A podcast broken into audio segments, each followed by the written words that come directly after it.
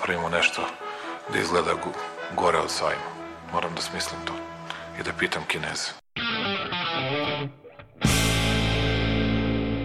I've today left hospital after a week in which the NHS has saved my life. Ne mogu da verujem da narod koji je preživao sankcije, bombardovanje, svakojako maltretiranje će se uplašiti najsmješnijeg virusa u istoriji čovečanstva koji na Facebooku postoji. And now I'm better and maybe I'm immune, I don't know. Dobro večer. Mene su poslali iz štaba. Ja ću vam pomoći. Aleksandar Kocić Jelena Viser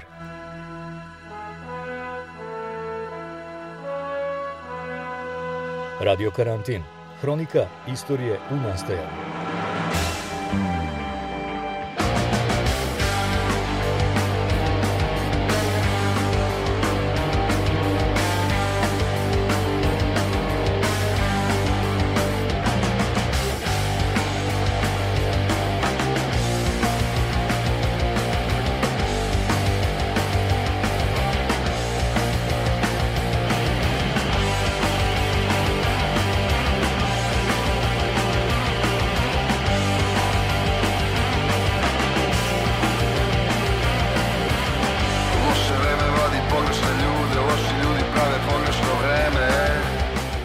Dobrodošli u poslednje letnje bonus izdanje Radio Karantina u okviru mini serijala posvećenog povratku koncertima tokom pandemije.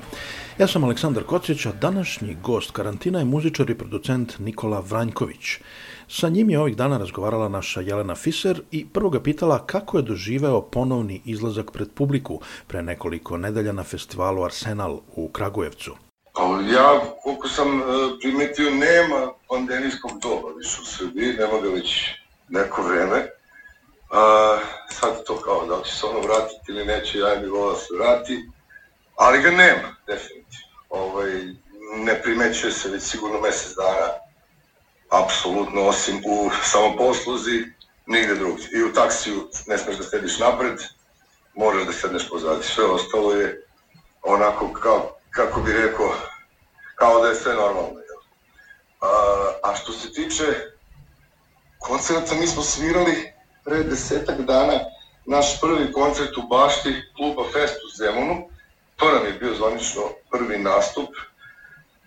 Smo rasprodali karte u nekom rekordnom broju i ja sam insistirao da, da koncert počne jako rano, već u 8 sati, pošto je to bio prvi koncert na polju, pa zbog komšiluka u Zemunu i šta ja znam već kojih sve problema treba ljudi da rade celu sezonu, nisam stvarno, ono, baš sam bio tako oduševljen količinom ljudi koja je u 7.20 bila uh, ispred tog prostora gde se sviralo, bilo je prepuno i definitivno se osjeća ta neka, to je valjda pozitivna energija, mislim, tako je nekako hipi, uh, sve liči malo na hipi, ljudi su ovaj, željni tog nekog najiskrenijeg druženja. Znači, željni su da popiju pivo, željni su da pričaju vici jedan drugom. Onako, vidiš da, da, šta ja znam, ja ne znam kako je bilo 46. Ono, nema pojma kako je bilo 919, jebem li ga, ali ovaj, ima ta neka kao srećica koja se tu negde kroz tu setu, ovaj, ona provejava i jako je lepo svirati tim ljudima, su oni malo otvoreniji, iskreniji, lakše pevaju, lakše, ovaj, lakše je komunikacija, lepši su ti koncerti.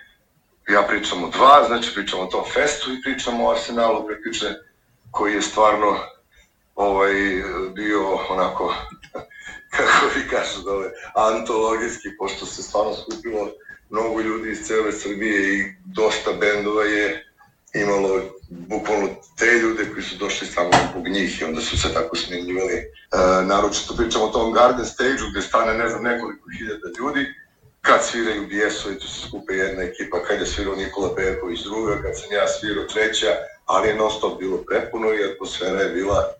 A sad kad bi bio neki folk pevač, ja bih rekao to je najbolja publika, jer ono, to je kao divno sve ono. Ali stvarno je ovaj, lepo je, znaš, olakšaju ti da sviraš posle toliko vremena, ja nemam kondicije, nemam tremu, ali sve me nervira Ne mogu se uopšte više naviknem prvih 15 minuta da sam na bini, umro mi je jako dobar prijatelj iz, iz Kragujevca, ovaj, sve me to negde onako baš lomi, šamara, Evo, upisali ste tu energiju publike um, novu koja je jedva čekala da, da ovaj, dođe na koncerte. Jeste primetili neku novu energiju i kod kolega u bendovima, muzičari, kako, je li ima daj, taj neki novi entuzijazam, svirački, performans? Pa tu sam najviše primetio, uh, ja sam, uh, ono, u stvari, radim kao ton majstor 100 godina zadnjih i 18 zadnjih godina radim prvi primarni posao mi je to majstor bajeg i instruktor, onako,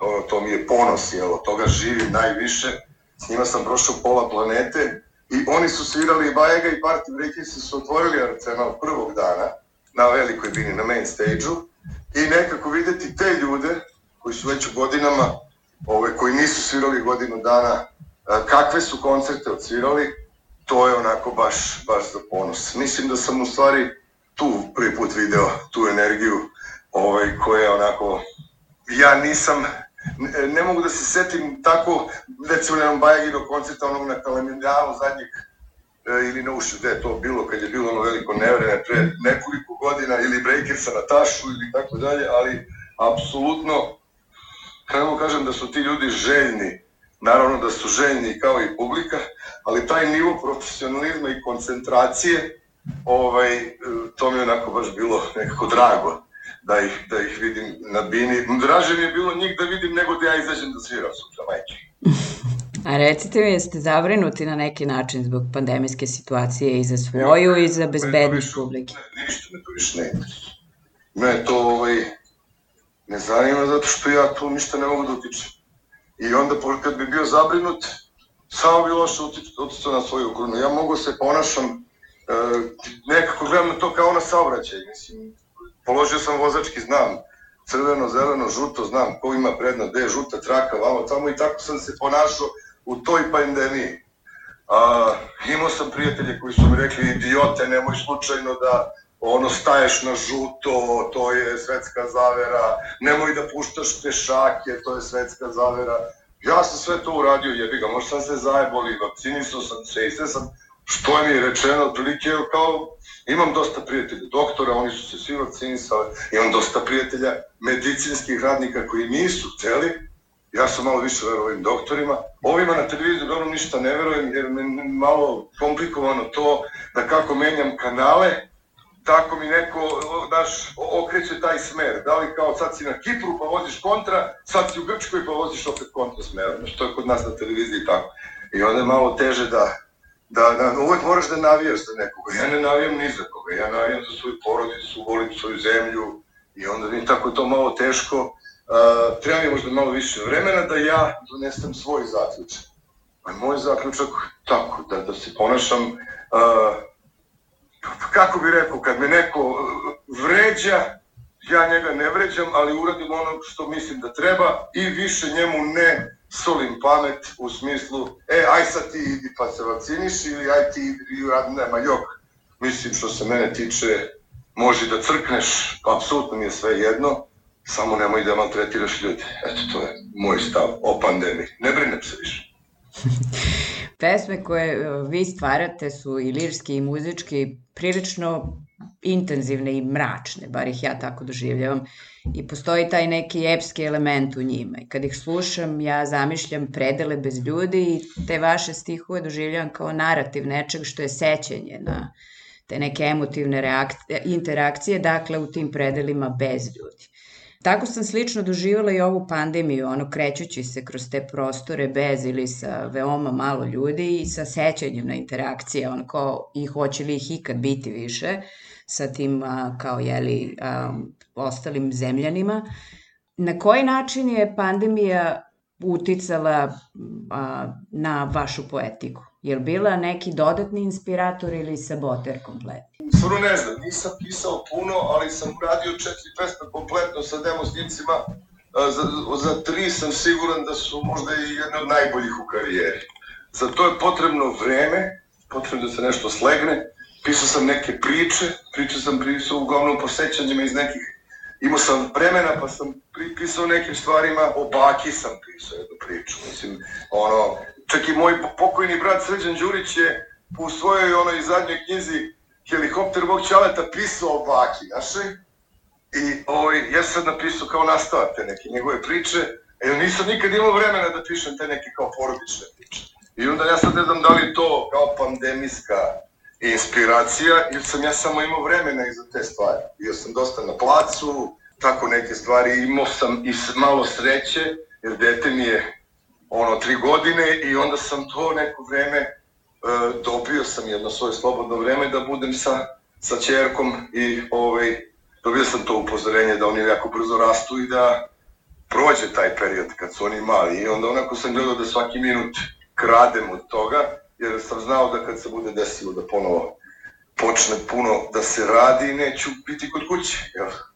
Tako da, mislim, neki ljudi su jako pametno ovaj, potrošili to vreme kojim se napravilo, drugi su opet ovaj, nastradali, ne svojom krivicom, treći su bili u sve vreme u nekoj letargiji. Ja sam bio jedno vreme zbunjen, a onda sam rešio da živim kao u šumi, kada jednostavno Znači u šumi možete lepo da živite, možete idete u lov, možete da isečete drvo, napravite brvnaru, možete da pregradite potok, da napravite sebi da se kup. Sve to može i sve to moglo u toj pandemiji, jer u principu to je jedna onako kontrolisana divljina se već desila, jel?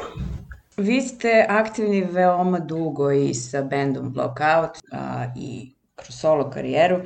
Preživali ste nekoliko različitih epoha u regionu. Um, kako izgleda muzička industrija danas? Koliko su muzičari zaštićeni? Koliko se uopšte muzička industrija upristojila? I koliko mogu da žive od a, svog kreativnog rada? Pa, kako da kažem, ja, ja sam ja sam vjerojatno mator za to pitanje, trebao bi nekog... Imam mnogo pesama koje su već 30 godina su one u, negde u nekim medijima i tako dalje i nešto stavljaju za neke druge ljude i šta ja znam.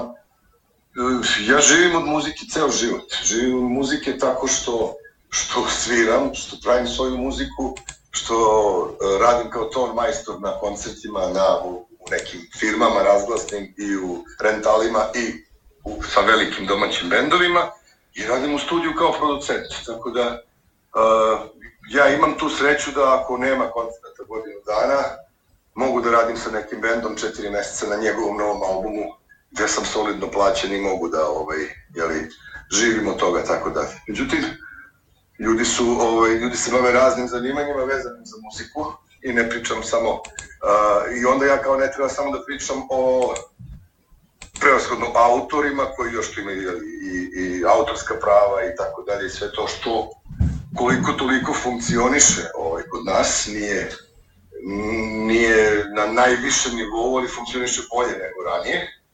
Uh, ovaj, ali tu im, imate, kako ja sam sreo sad, evo pričam o Arsenalu, ogroman broj mojih kolega koje nisam dugo, dugo sreo, a to su oni ljudi koji vi često i ne vidite ili ih vidite na bini dok je changeover između dva velika benda, njih 20 koji guraju one kejsove, motaju one kablove, izgledaju kao neki patuljci, a to su stvari najvažniji ti likovi za održavanje svake manifestacije, tehničari koji su to toliko težak i odgovoran posao, to su ljudi koji nisu ništa radili godinu i nešto da neki od njih su prešli da rade, ne znam, ono, vodovod, kupatila, lepe pločice i tako dalje. I dosta toga se promenilo, ali evo sad sam ih sreo ponovo i to mi je stvari bila naj, najveća sreća da vidim te ljude koji nisu mogli da rade od kuće, koji nisu mogli da, da, da, da koji nisu dobili nikakav prihod od države, jer su oni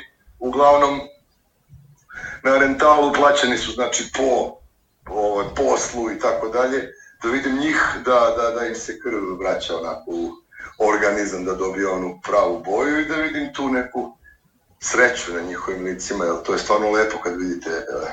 Ja imam tu sreću da mogu da se muvam i iza bina na festivalima i na svim mestima sam i onda ovaj, znam puno tih ljudi koje obična publika ne vidi, a to je u stvari taj to je srce svakog festivala ili svakog velikog koncerta. E, on, ovaj, za njih sam najviše brinuo i najdraže mi je što, ovaj, što oni ponovo imaju posao. Njih je jako mnogo, a sve ovo vreme niko nije primetio da oni postoje. Kao da, u stvari izgleda ti ljudi što treba da brinu o njima nisu ni znali da oni postoje.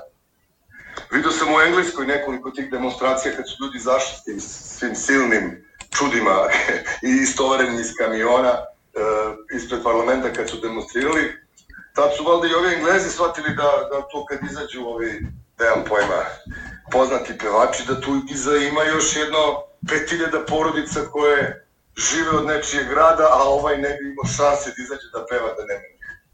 Eto, to se možda promenilo. Neki ljudi na nekim vlastima i neka publika su saznali da tu ima mnogo, mnogo patuljaka bitnih za jednu predstavu. Od operske do rock'n'roll koncerta. Pitali smo sve naše goste na početku uh, ovog projekta, razgovarali smo sa Zoranom Predinom iz Lačnog Franca i Butch Cassidyjem A, I evo, umeđu vremenu sa Gorazdom iz Mizara i Vizeljom i na neki način a, svi oni provlače tu priču da a, su ovi stariji, jeli, još uvek na neki način jugoslovenski bendovi, ovi mladi se veoma raduju a, otkrivanju regiona i publike u regionu. Koliko ste zastupljeni u regionu, koliko svirate ono, od, od gore pa do dole i koliko vas zna publika dole? Pa ja skoro uopšte ne sviram, a imam mnogo publike u regionu. Sviram Bosnu i Crnu Goru. To je vreme uh, ovaj, onako kako bi to nazvao, ono apartheid da bude 92 koji se desio bio u jednom momentu 90-ih, gde su samo bendovi koji su bili vezani za 90 bojku bili proguravani u Hrvatsku i Sloveniju I onda se desio jedan veliki broj bendova, sad ne mogu da se setim, Bjesovi, Goblini, Ritam Nereda, Blockout, bla bla bla, koji uopšte nikad nisu prešli tu granicu, jer ovi ljudi apsolutno nisu bili čuli za njih. I onda kogod je od njih dolazi ovde na festivale i gleda koncerte, oni su bili kao malo zbunjeni kako sad ovi bendovi imaju toliko puno ljudi, a mi ne znamo za njih. To se jednostavno, nažalost, produžilo. Uh, do neke granice kada se sve to jeli raspalo, kako se kod nas raspadne. Tako da ovi sad najnoviji bendovi imaju ponovo šansu da se na neki lakši način, mislim da je to probio Goribor u jednom momentu sa izdavanjem albuma za hrvatske izdavače i oni su tokom svoje karijere i bili veći sve vreme u Hrvatskoj i Sloveniji nego u Srbiji. Kad su postali veliki u Srbiji, nažalost su se već i raspali. Posle toga repetitor i sad već imamo bendove ovaj, koji mogu lepo da sviraju na tim ovaj, prostorima, plus tu postoji ta blokada, ako pogledate trans, ako pogledate koliko se puštaju ti, sad onda imate neke emisije, ponovo rock emisije na kojima se puštaju svi ti paralelno izvođači iz Slovenije, iz Hrvatske i Srbije, to ne postoji u, ovaj, u ovim zemljama. Jednostavno postoji ta, taj tihi bojkot ekavice, recimo, ili već ne znam kako, tako da vi možete čuti negde u Hrvatskoj na radiju još po nekog dinosaurusa, od, ne znam, Bajage, Breakersa do Sarsa, ne znam, i posle toga ništa, eventualno neki Dark Dub koji je imao tu sreću da probije tu vremensku kapsulu, mislim isključivo svojim kvalitetom u to vreme. Sada ponovo i mladi bendovi imaju tu šansu da sviraju gde hoće, jer jednostavno na njih se ne obraća pažnja iz krugova ovih idiotskih koji su ono skloni tim zabranama i oni su nekako shvaća, shvatani ponovo kao, pa recimo, jugoslovenski bendovi, a ne srpski i mnogo im je lakše da sviraju u Hrvatskoj i Sloveniji, ljudi ih vole, ovaj, kao što vole i nas koji nismo imali tu mogućnost, što zbog rata, pa pozdrav tih gluposti. Ja sam više tih godina bio u Hrvatskoj, radio sam Masima Savića, ne znam, 200 koncerata kao ton majstor, Let 3, uh, Darka Rundeka, ne znam koliko turneja, ali svojim bendom nikad nisam mogao da dođem da sviram i nikad nisu pustili blockout na radiju. Uh, čak sam i za Veronautiku izdao za Croatia Records, međutim to nikad niko nije pustio negde u medijima tamo. Sad ja da istražujem, stvarno nemam vremena, imam 50 godina i zabole me mnogo, ali smo imali divan koncert u Zagrebu pre, pre ove pandemije i spremali još jedan novi, I onda ovaj, mi u principu ne sviramo biseve nikad, jer sviramo koncert od 3 sata, U Zagrebu smo svirali tri i po sata i još smo svirali bis pola sata, jer ljudi nisu hteli da nas puste da siđemo s bine. To su ti paradoksi koji, koje možete samo ako imate dovoljno energije da pobedite, probijete ako imate želju. Ja imam želju jedino da se sretnem sa svojom publikom, a ovaj, na kom mestu to me manje interesuje. Pomenuli ste par priča, pesama, a, ličnih tih nekih koje ste uradili sa tokom ovog, ovih godina i po dana, jer može nešto da se očekuje, da se to materializuje u, u neki album? Pa ništa još ne planiram. Planiram da slušam to, mogu, bliže sam varijanti da uradim jedan kao taj mini, kako to kaže, EP, sa tri, četiri pesme, moje pesme često prelaze tih nekih famoznih 5-6 minuta, što je neka gornja radijska, televizijska granica puštanja, pa onda nemam taj neki problem da ona odi na 10 minuta, meni četiri pesme često traju i, i, i 40 minuta. Moguće dobijem tako jedan mali CD, pa tek posle počnem da radim na albumu, moguće da uradim i knjigu do godine. Trenutno sam fokusiran da završim te dve, tri pesme, onako baš nešto mota po glavi i počinjemo sledeće nedelje da miksamo ovaj drugi deo uh, benda albuma Artan Lilija sa gostima koji je stvarno odličan i nekako se najviše koncentrišem na to, baš se radujem jer e, specifičan je taj Artan Lili band i ovaj, ovaj sad e, čak u jednoj pesmi gostujem i ja, pa gostujem ne znam, Cane iz Breakersa i sad da ne nabrajem sve ljude, ali jedan vrlo onako uh, zahtevan album koji treba da završim to mjesec sledeće. Kao plus cela ova turneja sa Bajegom, za koju se nadam da će da krene jako skoro i moji koncerti. Eto, to je to.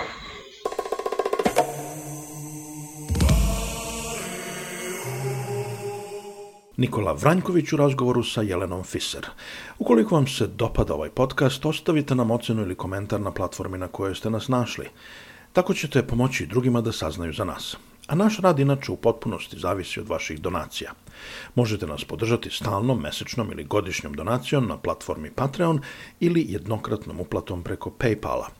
Linkovi za uplate su na našem sajtu radiokarantin.eu. Hvala i veliki pozdrav iz Glasgova. Aleksandar Kocić Jelena Viser